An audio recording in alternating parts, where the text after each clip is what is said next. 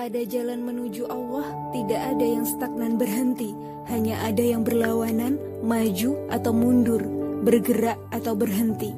Sesedikit gerakanmu, sesedikit itu pula majumu.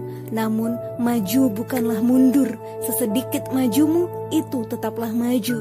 Mundurmu tidak bisa dibilang sedikit kemajuan, dan Allah akan menggantikan orang-orang yang berhenti ini dengan segolongan yang lebih Allah cintai dan mereka pun mencintai Allah. Mereka lembut terhadap orang-orang segolongan mereka dan mereka tegas terhadap lawan mereka.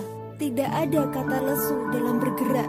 Jika jenuh kurangilah, bukan berhenti.